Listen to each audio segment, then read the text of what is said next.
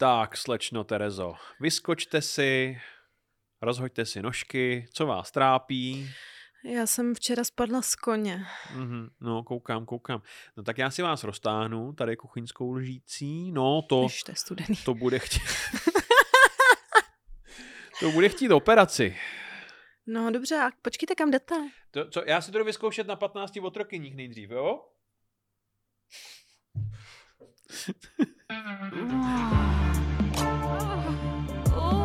Časopis Reflex uvádí podcast o historii sexu. Hodina děje pichu. Dámy a pánové, pěkný den a příjemný poslech u hodiny dějepichu. Já dnes mluvím, jako bych byl z Evropy 2. Ta, ta, ta, ta, Terezo, ahoj. Ahoj, ahoj!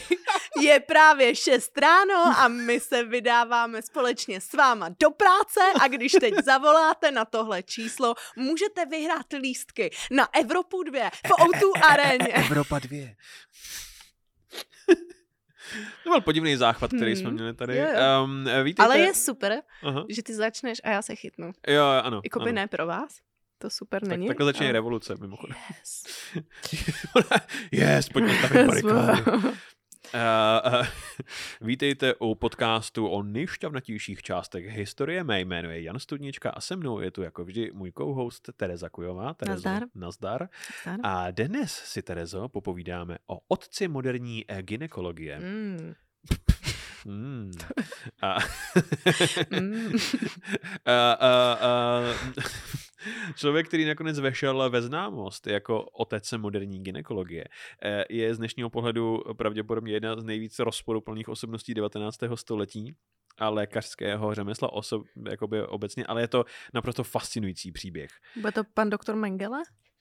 Ne, není to pan doktor Mengele. Pan doktor Mengele je jedna z nejvíc kontroverzních a fascinujících postav 20. století. to je Ty- to, je to místo, ale- kde si udělala chybu. No, to je pravda. Ač eh, to byl o- otec eh, nejen jednoho odvětví, si No, myslím. no, no. Eh, No. Ale o tom si někdy dáme samostatný o, tom, díl. o tom někdy jindy. Uh, Mhm. uh, nejdřív začneme asi stručnou jaksi historii gynekologie, ať máme kontext.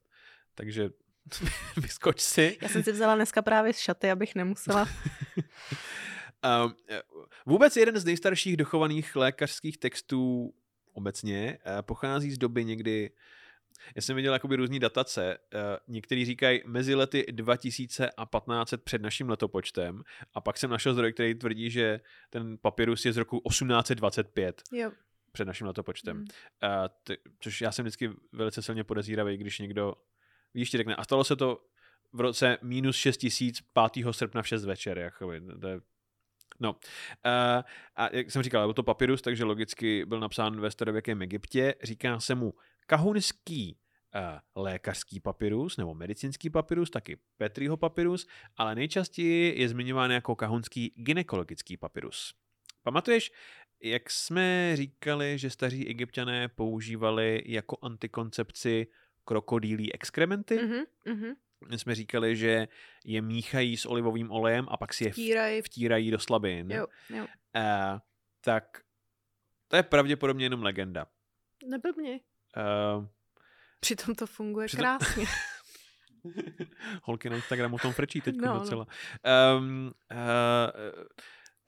takže tímhle jakoby oficiálně opravujeme díl 3. um, uh, totiž uh, v kahunském medicínském Už to papiru... rok děláte úplně zbytečně. V kahunském medicínském uh, papíru se zmiňuje, že se tohle používá jako antikoncepce, uh, krokodýl exkrementy, Mhm. ale pouze tak, že se jaksi nahrnou na stůl a zapálí se a ta vůně jaksi by měla eh, nebo, nebo pach by měl předejít tomu početí. Jakože se ti potom nechce. Ne, to roz, se ti rozhodně nechce. Uh, on, totiž, on totiž Papyrus uvádí jakoby celou sérii tady těch podivných jakoby léčebných procedur, všechny jsou neinvazivní a většinou jsou to buď mastě nebo přikládání nějakých bylin, anebo kadidla, tady incens, nějaký prostě jakoby voný svíčky a tak. Uh, Oni totiž egyptěni měli mm, o gynekologii pochopitelně před čtyřmi tisíci lety jakoby velice zkreslený představy. Uh, praktická gynekologie jako taková, eh, ona byla vždycky spojovaná hlavně s porody a porodnictvím. Uh, už, už, už Hippokrates se zabýval porody a jako nejefektivnější cestu, jak dostat dítě z ženy ven. Uh, a tohle umění se samozřejmě vylepšovalo po většinu antiky a pak po, po pádu římské říše jakákoliv standardizovaná jakoby péče jak po porodní, tak i jakoby ty postupy jako během porodu eh, trošku upadly do zapomnění během temného středověku, ale vrací se zpátky s renesancí a v roce 1506 uh, v roce 1506 byl ve Frankfurtu nad Mohanem zvolen městským lékařem uh, gentleman jménem Eukarius Reslin, protože, protože Frankfurt si evidentně volil svého doktora, což mi přijde jako velice zvláštní praktika volit si, volit si lékaře. Mám strach, že by to, let, kdyby jsme to uh, aplikovali dneska, že by to byl někdo z KDU ČSL. No a tím měli, věděli, ví zhruba tolik o vagínách, co co, co lidi ve, jako, v temném středověku si myslím. No. No, no, no tady uh, Eucarius Reslin, um, on si začal všímat, že porodní báby kolem, jako ve městě a kolem, nemají standardizované praktiky a postupy, co se týče porodu i jaksi poporodní péče, mm. a taky, že mají jakoby absurdně vysoký počet dětské úmrtnosti. Takže napsal knihu s názvem Der Rosengarten. Celým jménem je to uh, Der Schwangern Frauen und Hebamen Rosengarten. Uh, a byla to v podstatě sbírka antických textů na, na tohle téma. Uh, jakože Hippokratovy texty, uh, uh, galenský texty a tak, na, na porody a poporodní péči. A tady Tím tak... se podle mýho doteď řídí biomatky na Instagramu. No, Takový ty, co rodí do rybníka. no, jako je to vlastně možné, já nevím, co, co tam ty ženy vyvádějí, tom, jestli, jestli povolávají jakoby římský bohy. Nějaký římský boha, který je víš patronem uh, Pupečník šňůr. pupečních šňůr, porodu a, uh, a Wimbledonu. a jo, ano, Hmm. přesně potom jsme šli, ano.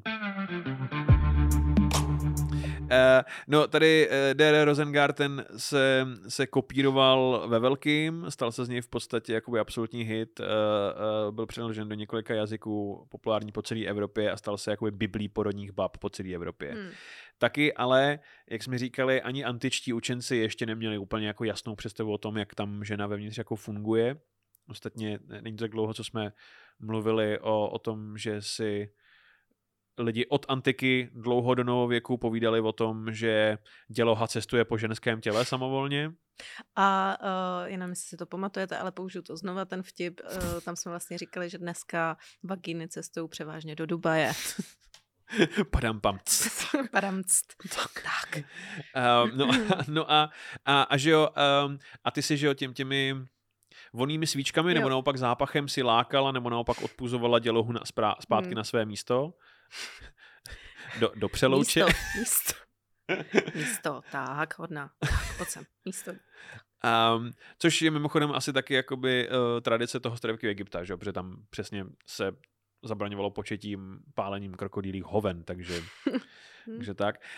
Um, no a uh, tady, tady, uh, tady, tady ty teorie antický o cestovních eh, dělohách a, a tak eh, byly populární že jo, až do novověku. Říkali jsme, že to hrálo roli při čarodějnických procesech, že to bylo spojované s hysterií. A Mm. zkrátka, eh, gynekologie eh, jako obor čekala na boom moderní medicíny, aby mohla začít skvétat jako legitimní odvětví.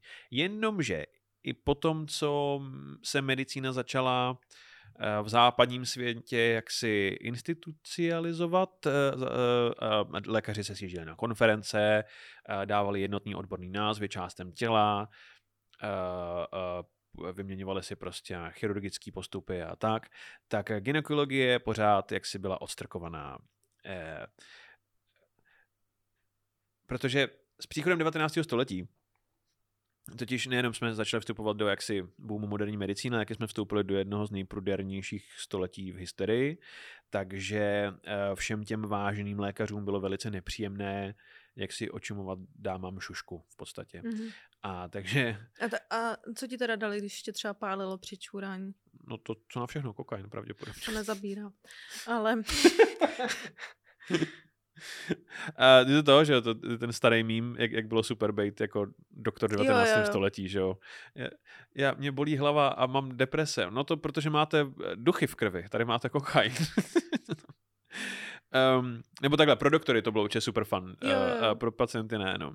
Eh, Taky ginekologii úplně nepomáhalo to, že drtivá většina lékařů byli muži. Uh, jakože první žena, která vůbec vychodila eh, medicínu oficiálně, to byla Elizabeth Blackwell a bylo to v roce 2003. 1821. mm, I to je.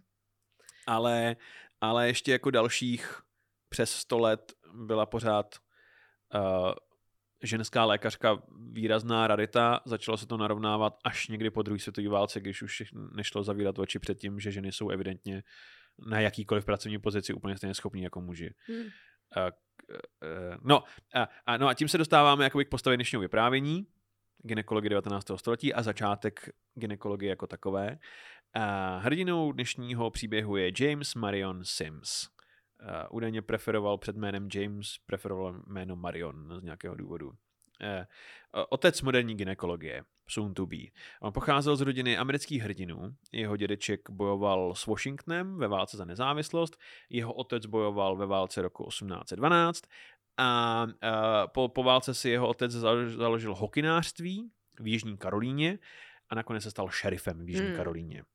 Uh, ale uh, otec chtěl pro svého kluka Jamesa Mariona něco lepšího, než být šerif v Jižní Karolíně. To jsou prcinky. Kluku, ty bys mohl tak... Takový, mm, takový hezký mladý. A, chtě- a, a chtěl, aby kluk šel studovat na doktora prostě. Mm.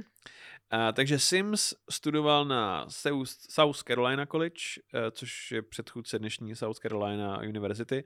Studoval tam dva roky a pak prodělal tříměsíční medicínský kurz Na internetu. na, na internetu a Simsalabu doktor prostě. Hmm. Ta, tak, takhle, Takhle. je to. Mhm. A to bylo prostě všechno, co si potřebovala k tomu, aby se stala lékařem. Tohle a tiskárna. A ti... A kdybyste mi mohli někdo pěkně, umíte někdo pěkný podcast, že by to počkrábil diplom pěkně. Uh, podle Simsových deníků on, cituji, kromě peněz ho na profesi lékaře nic nelákalo Mhm. uh, a podle toho taky vypadaly začátky jeho lékařské praxe.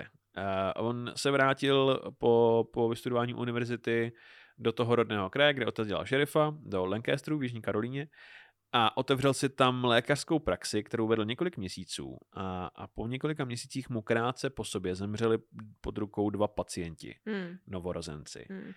Eh, nevíme, jestli to byla jeho vina, pravděpodobně ne. Eh, eh, je dost možný, že některé ty děti by zemřely tak jako tak, že akorát prostě se mu je nepodařilo jako zachránit.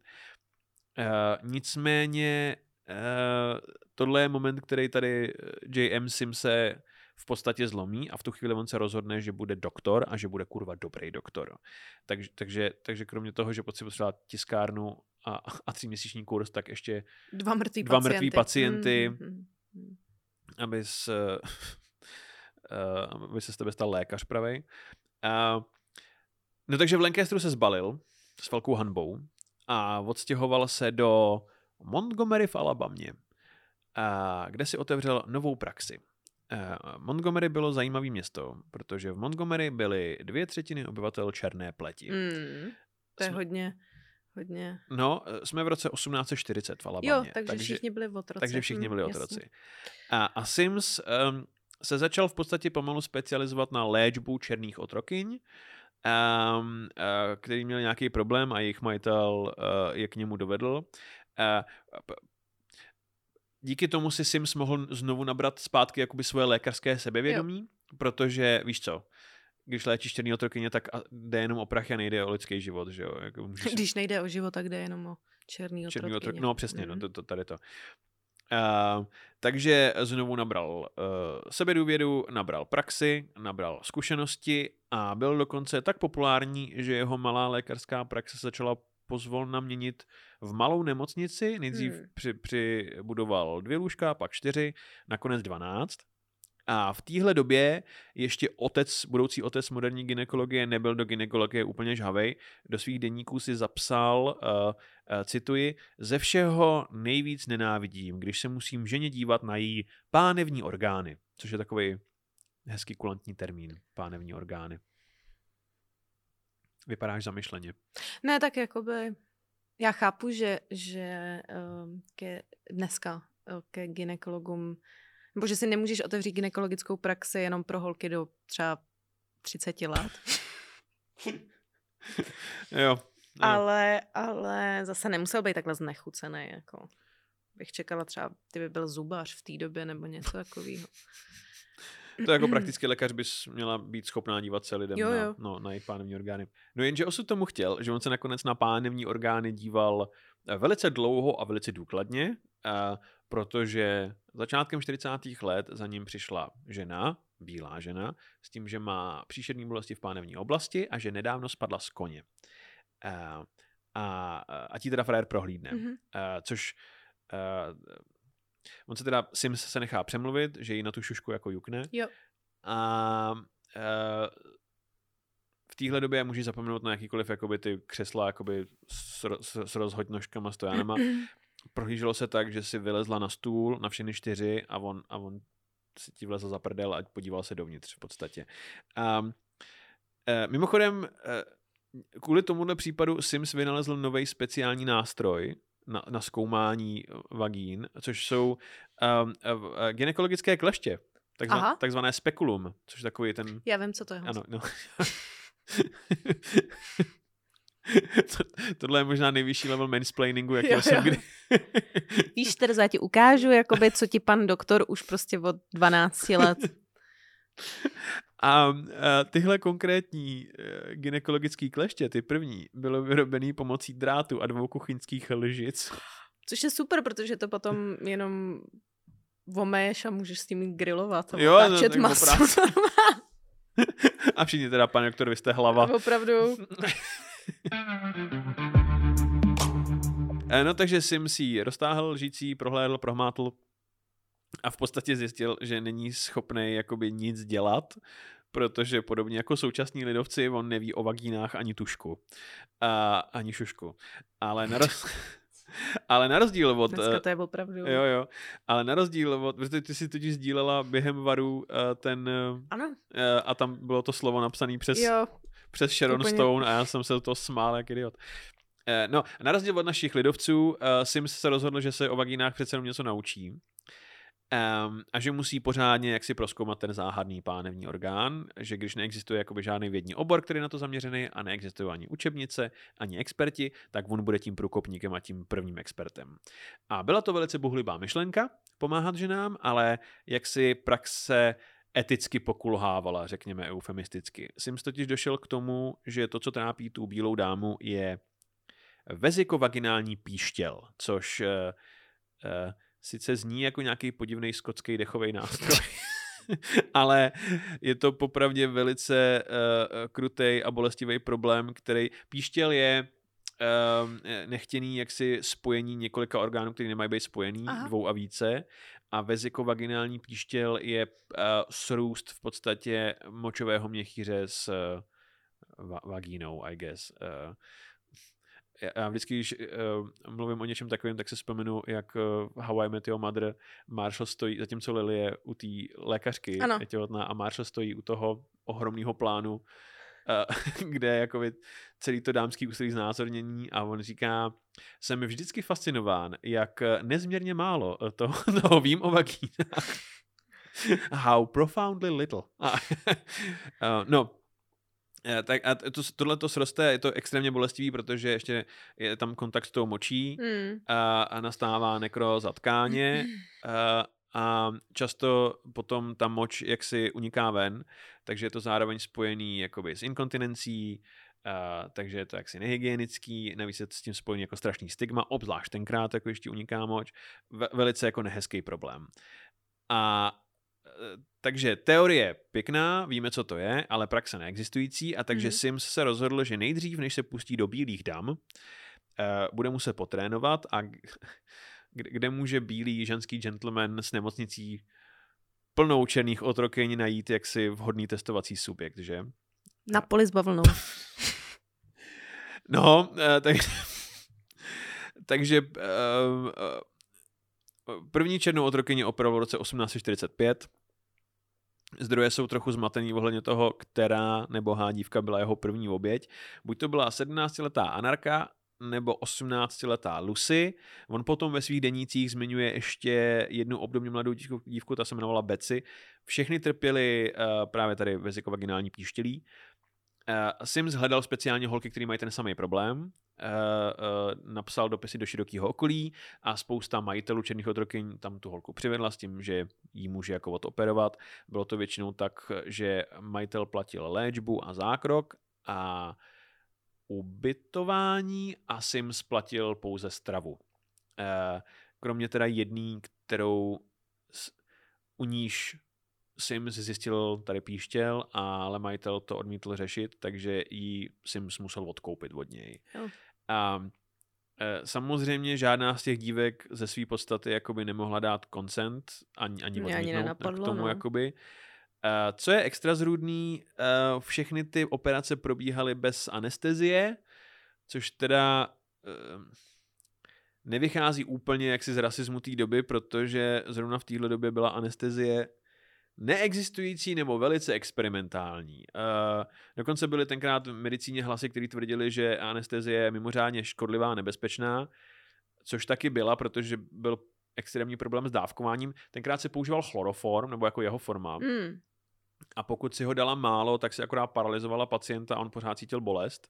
A pokud si toho dala moc, tak ti pacient exnul na stole a dělo se to poměrně běžně. Uh, navíc, navíc uh, se, se ta, ta účinná, ta funkční verze toho chloroformu se musela domíchávat speciálně až v ordinaci, aby byla jako čerstvá, a takže si měla jakoby několik hořlavých až výbušných jako látek v ordinaci, protože to bylo jako uh, prostě si míchala bombu v ordinaci, to je to, co to bylo. Jakoby.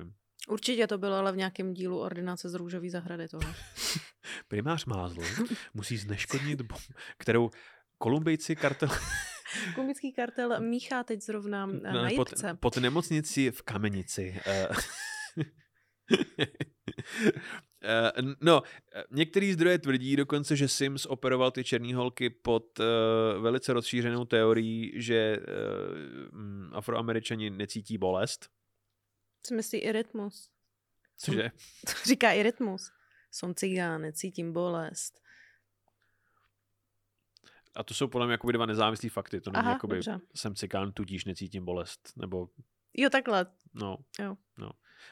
My, myslím si teda. Ne, já vlastně nevím, co se děje rytmusovi v hlavě. uh, co jeho ego, to je jedno. No, uh, uh, mimochodem, tady ten, tady ten mýtus o tom, že uh, obzvlášť černý ženy, že necítí bolest, nebo že ji cítí málo, nebo že toho snesou mnohem víc, nebo že mají větší vagíny a že nepotřebují epidural při porodu, je v některých rurálních částech Ameriky rozšířený dodnes. Jo. Je to... Uh, uh, nicméně Sims nemyslím si, že by trpěl tady tím bludem o tom, že černošky necítí bolest, protože ve svých denících doslova píše, že holky trpěly příšernými bolestmi během operace, eh, taky eh, během operace je museli držet jeho pomocníci, čtyři, toto máme tady vyobrazeno těsně před akcí jaksi. Vypadá to jako obrácená Brazer reklama, že jo? A, um, pardon. Uh, no a... Uh, To je opravdu hrozný. Jo, jo, jo, no, no a mimochodem uh, ty jeho pomocníci to po několikátý operaci i na ně to bylo jakoby příliš silný, Hmm. silný kafe uh, a rozhodli se, že už to nemůžou dělat. Takže při dalších operacích drželi tu operovanou holku jiný černý holky, často už operovaný, jako několikrát v minulosti. Uh, on, on taky píše ve svých uh, denících, že konkrétně Anarcha, že byla jakoby několik měsíců po, po zákroku eh, po každém zákroku v silný agónii a říkám po každém zákroku, protože konkrétně jenom Anarka byla operovaná až 30krát. To je dost. To, to je, a to je, a to, To je je dost. dost. Uh, celkově Sims takhle operoval až 12 dívek, každou jakoby, každá měla počet operací jakoby tady v tom, tady v tom počtu. A, a operovali v podstatě tak dlouho, dokud si nebyl jistý, že může vyrazit na reální lidi. To byla prostě jeho filozofie. Podle všeho v Montgomery v Alabamě operoval jednu bílou dámu uh, s vezikovaginální píštělí. Naplánovaných těch operací bylo víc, ale, ale um, bílý holky uh, bolelo je to, takže se... My cítíme bolest. No, no. Takže se dál ne, ne, nepokračovalo s operací. No a Později potom s velkým úspěchem se Sims přestěhoval do New Yorku, kde pracoval a v New Yorkské první ženské nemocnici. Poměrně paradoxně se tam stal jakoby absolutním expertem nejenom na ženský problémy a pánevní orgány, Hmm. ale i na anestezii, jakože on tam působil řadu let a napsal o... Míchal nejlepší anestezii v New Yorku. Míchal nejlepší. Um, uh, Uh, on považoval taky jakoby ginekologii a vzdělávání v oboru ginekologie za jako naprosto mm, zásadní pro, pro, pro medicínu a národ jako takovej. Publikoval řadu prací a v podstatě se z něj stal hrdina medicíny. Jakože uh, je, je, právě třeba, jak jsme měli blud o tom, že černí necítí bolest, tak takových bludů byla hromada a nejenom Hmm. jako by, eh, rasově založených, ale třeba tehdy se věřilo, protože tenkrát se začala poprvé doopravdy řešit rakovina, protože jsme ji poprvé zachytili. A tehdy se věřilo, že je to jaksi problém chudiny, že je to dost možná nakažlivý a že je to dost možná sexuálně eh, přenášený. Takže eh, první ženská nemocnice v New Yorku odmítala přijímat pacienty s rakovinou. A což on bojoval velice silně za svoje chudý pacienty s rakovinou. Um, stejně tak nemocnice tvrdila, že je velice nedůstojné a nevhodné a obecně ideálně zakázané, aby studenti viděli tady pánevní orgány uh, během studia, nebo aby během operace pánevních orgánů byli přítomní studenti. Uh, naopak jsem stvrdil, že tam má být co nejvíc lidí, protože ve chvíli, kdy uh, doktor čerstvý narazí na takový problém až ve své praxi, tak potom umírají pacienti Hmm, během hmm. a po porodu, protože byl pravděpodobně jakoby pořád traumatizovaný těma dvěma dětma, který mu umřeli na začátku jeho kariéry, protože No byli bílí byli ty děti, bílí, to je jasně. úplně jasný. Jako. no, no. Uh, uh, no a t- tyhle třenice s nemocnicí nakonec vyústily v jeho rezignaci, ale vynesli mu v podstatě slávu téměř jako mučedníkovi medicíny. Hmm. A on si založil první uh, jako cancer hospital, že jako první onkologii v Americe vůbec pravděpodobně a byl zvolen předsedou Americké medicínské asociace a taky když se vrátil na návštěvu zpátky do Montgomery po letech, tak ho tam vítali jako absolutního hrdinu. Hmm. A mělo sochu v Central Parku velice dlouho, a kde v roce 2018 během Black Lives Matter movement, během té první vlny strhávání soch, tak jeho socha nebyla stržená, ale byla přesunutá z Central Parku na New Yorkský hřbitov, ten největší, kde on má hrob a nedaleko něj stojí jeho socha. Uh, Anarka, Beci, ani Lucy, ani žádná z těch holek uh, žádnou sochu nemají, přestože pravděpodobně udělali pro medicínu víc než Tak měli aspoň zdraví spotky. tak aspoň, Chvíli. aspoň když se z toho po 16 měsících vzpamatovali, ano. Uh, no a takže um, to je příběh otce moderní gynekologie. Mhm. Jak jsem říkal, kontroverzní postava. Uh, Mengele příště. Nebo ne příště, jindy. Uh, jsi připravená na otázky, Terezo? Jsem. Kolik otrokyň potřebuješ k tomu, aby udrželi černošku při operaci, Terezo? Další, další otázka bude. Kdo je? Za A dvě, za B čtyři, nebo za C žádnou, protože černošky necítí bolest. teda, no, za Hmm. C, to je hrozný. Je fakt hrozný. Um, druhá otázka. Co je pro lékaře Terezo úplně nejhorší pohled? Hmm. Za A umírající pacient, Hmm. za B nedostatek léků, nebo za C pánevní orgány. Jsou to stoprocentně pánevní Jsou to orgány. 100%. Fuj. To je. A nakonec třetí otázka, Terezo. Jaké popěvky se zpívaly v ordinaci doktora Simse? Za A. Chceš-li lékařem býti, dvě děti musíš zabíti. Za, za B. Nad černou holku nikdy není, zvládnou všechno bez umrtvení. A nebo za C. Když chodí ti pacientek více, pomůžou ti dvě polévkové lžíce. to je super.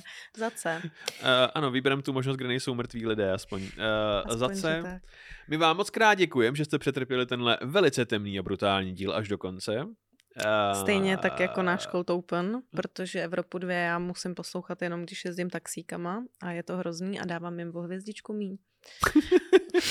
Za špatný hudební vkus. Vlastně není špatný. Ale a, dáv, a píšeš tam proč? Ne, ne, ne, to oni se tě ptají až snad po třech hvězdičkách, Jo, proč. jo, jo. No. Protože já nikdy nedávám jako čtyři. Já dávám většinou pět, anebo když málem umřu, tak tři. Uh, Dobře, uh, Určitě nás sledujte na Instagramu, na Facebooku a my se zase budeme těšit. Eh, Zase příště. Za týden. se.